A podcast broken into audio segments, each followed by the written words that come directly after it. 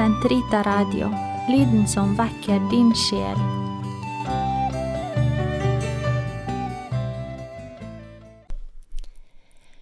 Stå opp, min elskede, min vakre jente, og kom. Min due i fjellkløften, i li under de bratte klipper. La meg få se deg, la meg få høre stemmen din, for stemmen er myk og skikkelsen skjønn. Disse vakre ordene fra høysangen forteller oss at veien til Gud er relasjon, dialog, lengsel, søken.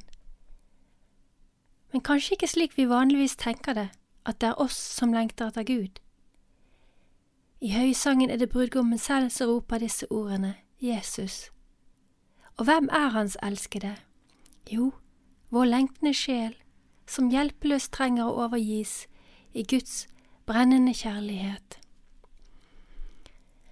Karmels er alle fasetter i beskrivelsen av denne relasjonen mellom de to elskende, Gud og menneske.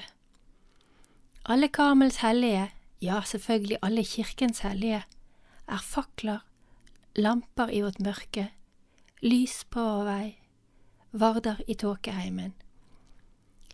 Kjærlige veiledere i forskjellige faser av våre bønneliv, på vei mot alle kristnes mål her på jorden og i himmelen den treenige Gud.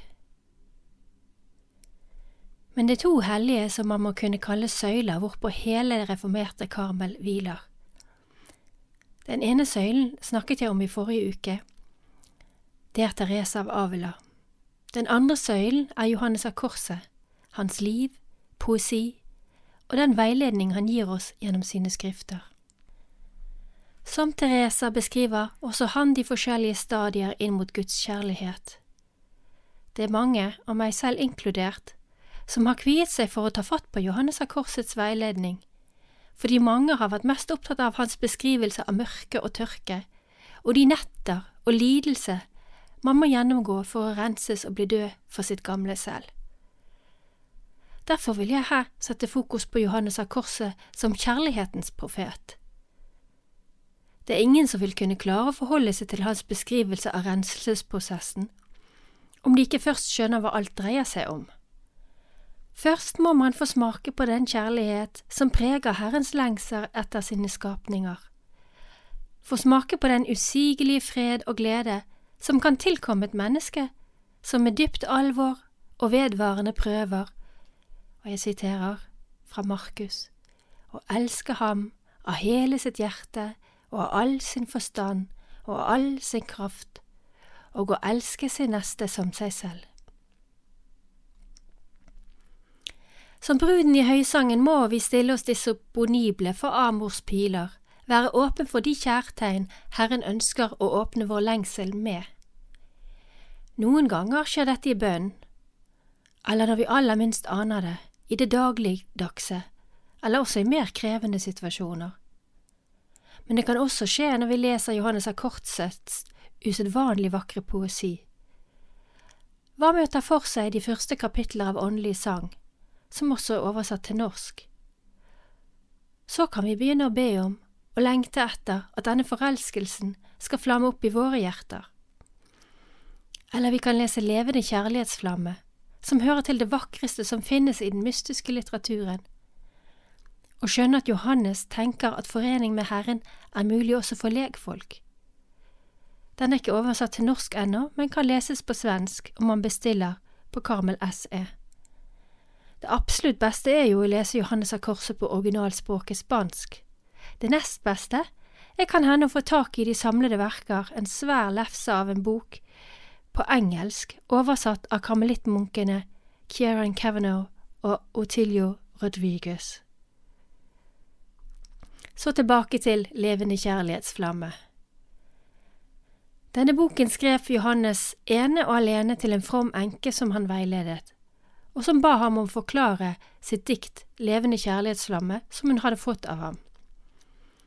Med andre ord, det er ikke stilling eller stand det går i når det gjelder å søke den omdannende gudsforening, som er Johannes' hovedanliggende, selv om han i all hovedsak veiledet nonner og munker i den reformerte Karmelorden.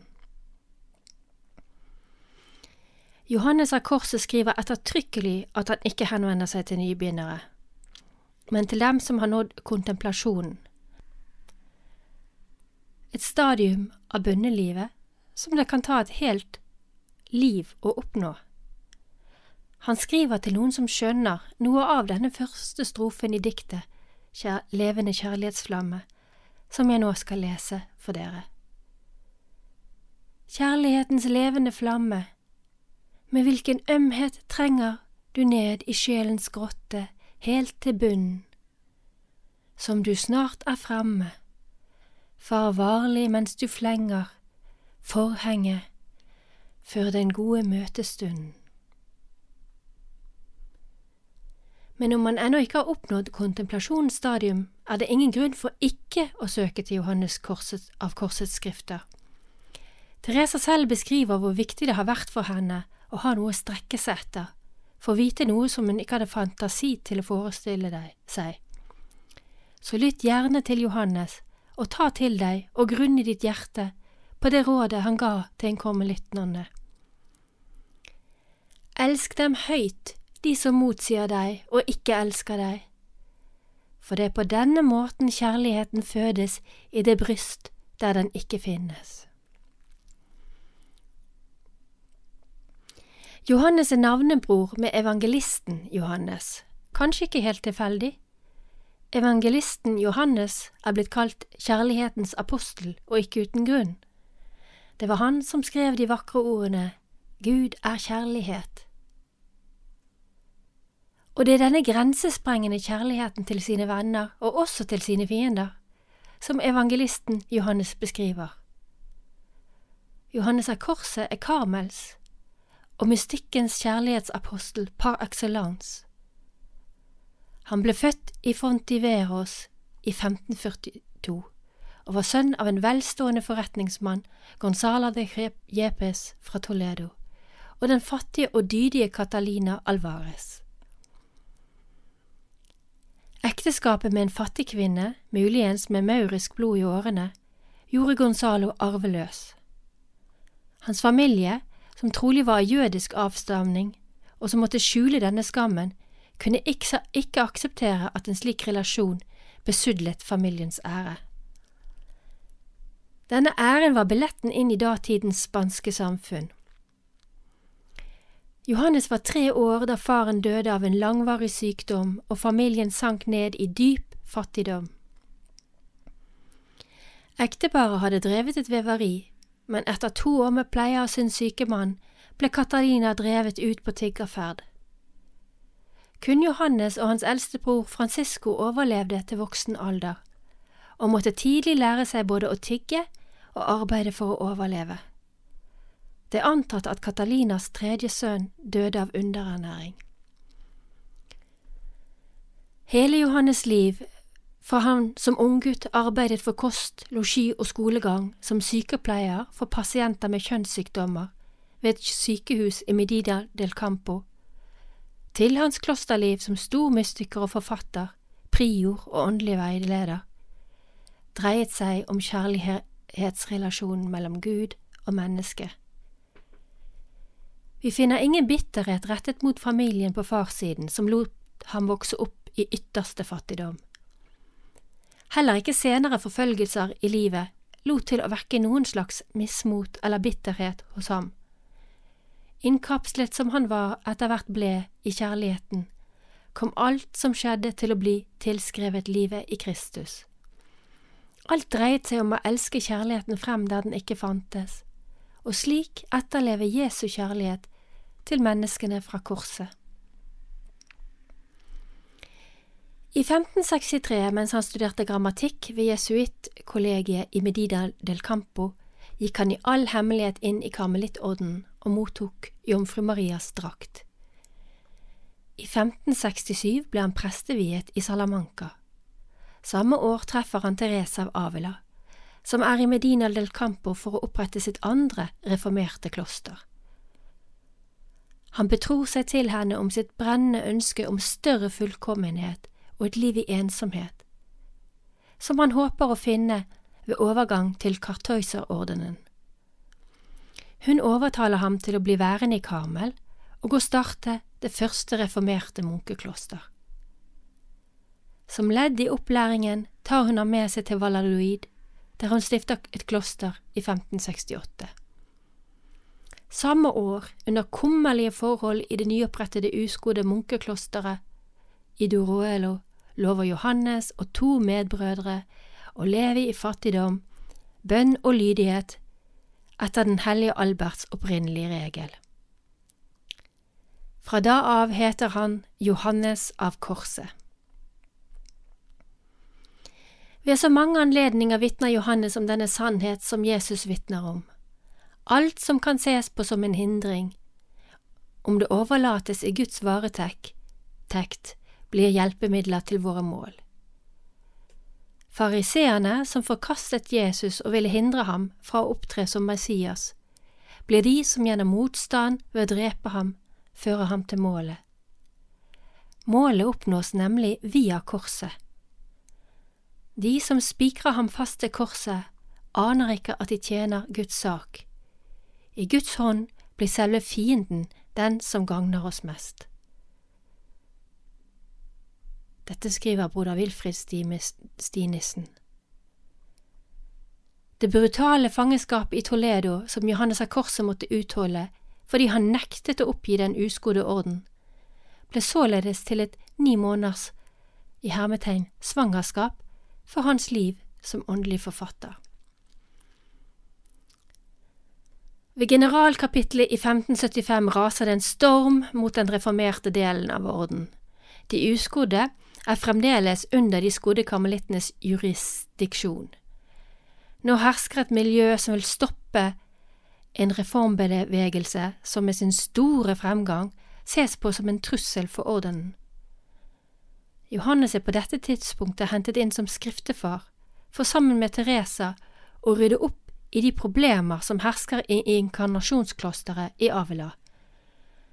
Det klosteret Teresa en gang forlot til fordel for, for sitt lukkede kloster, Sankt Josef. Herfra blir han med vold ført til fangenskap i de uskodde karmelittenes kloster i Toledo. Dette er et forsøk på å få ham til å avsverge reformen. Og det er altså her i Toledo, i et lite kott av et fangehull, at Johannes av Korsets såkalte gamle menneske dør. Her blir han pisket flere ganger i uken, han må utholde ulidelig stank da hans celle var del av luftesystemet til toalettene. Han får ikke delta i messefeiring og må tåle minimale matrasjoner og elendige hygieneforhold. Og her er det altså at han får oppleve den ekteskapelige foreningen med Gud, som resulterer i et av den spanske litteraturs vakreste og mest innflytelsesrike dikt, åndelig sang. Det er her Johannes av Korset blir ett med sitt ordensnavn, og gjennom oppstandelses nåde får virke slik i ordenen og kirken at vi kan ære ham som helgen, det skjedde i 1726, og kirkelærer fra 1926. Johannes av Korset levde virkelig et liv en helgen verdig, og hans hellighet var synlig lenge før hans død. Gjennom hele sitt liv i Karmel skulle han veilede og inspirere et stort antall nonner og unge menn som dras til denne nye og raskt voksende ordenen. Hellighet trekker, som kjent, som en magnet. Først og fremst blir dette formidlet gjennom hans livsførsel, hans fred, arbeidsomhet, omsorg for syke og vanskeligstilte brødre, men også med nådeløs nedslag på ordenslivets verste mare, baksnakkingen. Om han var streng med andre, var han muligens enda strengere med seg selv. Johannes hadde også et forfatterskap en helgen verdig. Vi vet at han opprettet flere klostre, men det er ikke klostergrunnleggelsene som blir det ettertiden først og fremst vil forbinde med denne helgenen. Det er hans uendelig dype litteratur om brudesjelens forberedelse til den ekteskapelige foreningen med sin Gud. Alt Johannes skriver, utenom hans dikt og sanger, som alle har sitt utspring i mystikkens kilde, er høyst motvillig. Johannes er stillhetens mann, bønnens mann, kontemplasjonens mann. Han er en som representerer det ordløse møtet mellom sjelen og brudgommen. Den uendelige rikdom en forberedt sjel kan ta imot når all aktivitet stilner, og fantasi, hukommelse og forstand. Når huset er i ro, og sjelen kan liste seg ut for å finne sin elskede. Han skriver, Ut i den mørke natten, drevet av kjærlighet og angst, o lykkelige lodd, gikk jeg usett av alle, for hele mitt hus lå i hvile. Johannes av Korset, mannen som foraktet ordrikhet og elsket det kjærlighetsfulle, tause samværet mellom sjelen og Gud, må altså på oppfordring av nonner og skriftebarn forsøke å forklare med ord den kunnskapen om veien til Gud som ligger i hans dikteriske strofer. Han bearbeider og systematiserer således sine mystiske erfaringer som teolog. Åndelig sang ble for eksempel til i flere omganger mellom 1584 og 1586.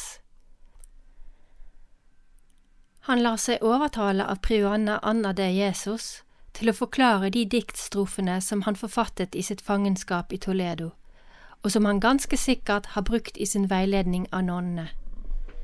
Det er med stor motvilje at han setter seg ned for å skrive og forklare noe som, og jeg siterer, synes å være skrevet med en egen brennende kjærlighet til Gud, hvis visdom og kjærlighet er så umåtelig at det som det heter i Visdommens bok, omslutter hele jorden fra himmelrand til himmelrand. Oppdraget grenser til det umulige og stiller store krav til mottaker. Han skriver Hvis man ikke leser disse lignelser i samme enkle ånd når det gjelder kjærlighet og innsikt, som de selv er gjennomsyret av, vil de synes mer som galskap enn fornuftig tale.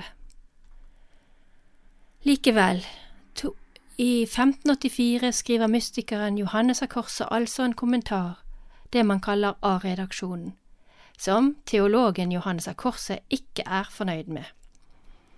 Den er spontan og intuitiv, med fokus på forholdet mellom bruden og brudgommen og det åndelige ekteskapet, og også stor poesi. Siden kompletterer han diktet blant annet med strofer inspirert av en karmelittnonne i Beas. To år senere er B-versjonen ferdig.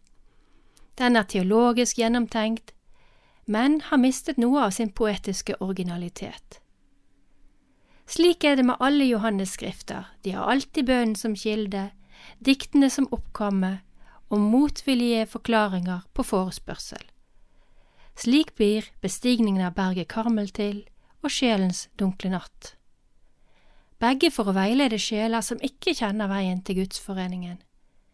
Den første boken, Bestigningen, tar for seg sjelens aktivitet og hva man må fokusere på i de forskjellige stadier av den natten som leder frem til Gud. Den andre beskriver Guds virke i den samme natten. Begge har diktstrofer som utgangspunkt. Det er kjærligheten til sjelene som driver ham til dette umulige, og som har latt generasjoner etter generasjoner få anledning til å bruke sine liv på veien til Gud med tydelig veiledning og forklaring. Her er det bare tre år å si om dette. Ta og les. Johannes død er også en helgen verdig. Det man til nå vet om Johannes av Korsets liv, er at det var et eneste langt vitnesbyrd om et menneske som levde i en grenseløs lengsel etter Gud, og for å lide og ofre seg med den korsfestede, oppstandende Herre. Denne lengselen vedvarte til hans død, 49 år gammel, som ble slutten på et sykeleie i forferdelige smerter. Ikke så lenge før dette hadde Johannes i bønn foran et bilde av den korsfestede Kristus fått høre fra Jesu munn at han skulle få velge seg hva som helst som belønning til gjengjeld for alt det Johannes hadde lidd for Herren. Da hadde han svart, At du gir meg lidelse å bære for deg, og at jeg skal bli foraktet og regnes for intet. En bønn som Herren skulle være snart å innfri, med litt hjelp fra Johannes av Korset selv. I 1591 falt Johannes av Korset i unåde hos de uskodde karmelittenes generalvikar i Spania, Nicolas Doria. På generalkapittelet i Madrid fikk han ingen verv, og valgte selv å dra til en avkrok i Spania, La Peñuela, for der å leve sitt klosterliv i stillhet og ydmykhet. Samtidig startes det en prosess mot ham for å frata ham ordensdrakten, der nonner presses til falske vitnesmål alt på grunn av misunnelse og nag fra brødre i ordenen. I La Penuela blir Johannes av Korset i tillegg syk, og må reise til et større kloster for å få behandling. Han kan selv velge hvor, og velger Obeda der ingen kjenner ham, og hvor prioren er fiendtlig innstilt på grunn av en tidligere irettesettelse fra Johannes. Her får han gjennomleve de mest intense lidelser, han blir angrepet av rosen, som er en streptokokkinfeksjon. Det former seg betente byller i et korsform så, korsformet sår på foten, og det sprer seg. Legen måtte uten bedøvelse skjære bort det betente kjøttet like inntil leggbeinet. I tillegg hadde prioren allerede i begynnelsen av sykdomsperioden fortalt ham at han var en byrde for klosteret, fratatt ham en omsorgsfull sykepleier og nektet medbrødre å besøke ham. Alt dette berettes det om, mottar Johannes av Korset med stor indre glede og fred. Han er totalt forenet med sin Kristus. Enhver som besøker hans celle, vet at det her befinner seg en helgen. Og hvilken død! I stedet for bønnene for de døende insisterer Johannes på å holde levende kjærlighetseventyret med Gud. Han sier, Les høysangen for meg, de andre bønnene trengs ikke. Lukk dine øyne og forestill deg dette dødsleiet, der disse vakre ordene fra høysangens kapittel to skal få lede sjelen inn i herligheten hos Gud. Hør, det er min kjæreste, der kommer han, løpende over fjellene, hoppende over høydene. Min kjæreste ligner en gasell, en ung hjort. Der står han bak muren vår, han kikker inn gjennom vinduene, gløtter inn gjennom gitteret. Min kjæreste tar til orde og sier, Stå opp, min elskede, min vakre jente, og kom. Nå er vinteren omme, regnet er forbi, det er borte. Landet dekkes av blomster, sangens tid er inne. Turtelduen kan høres i landet. Frukten på fikentreet modner, blomsten på vinstokken dufter. Stå opp, min elskede, min vakre jente, og kom. Han var 27 år yngre enn henne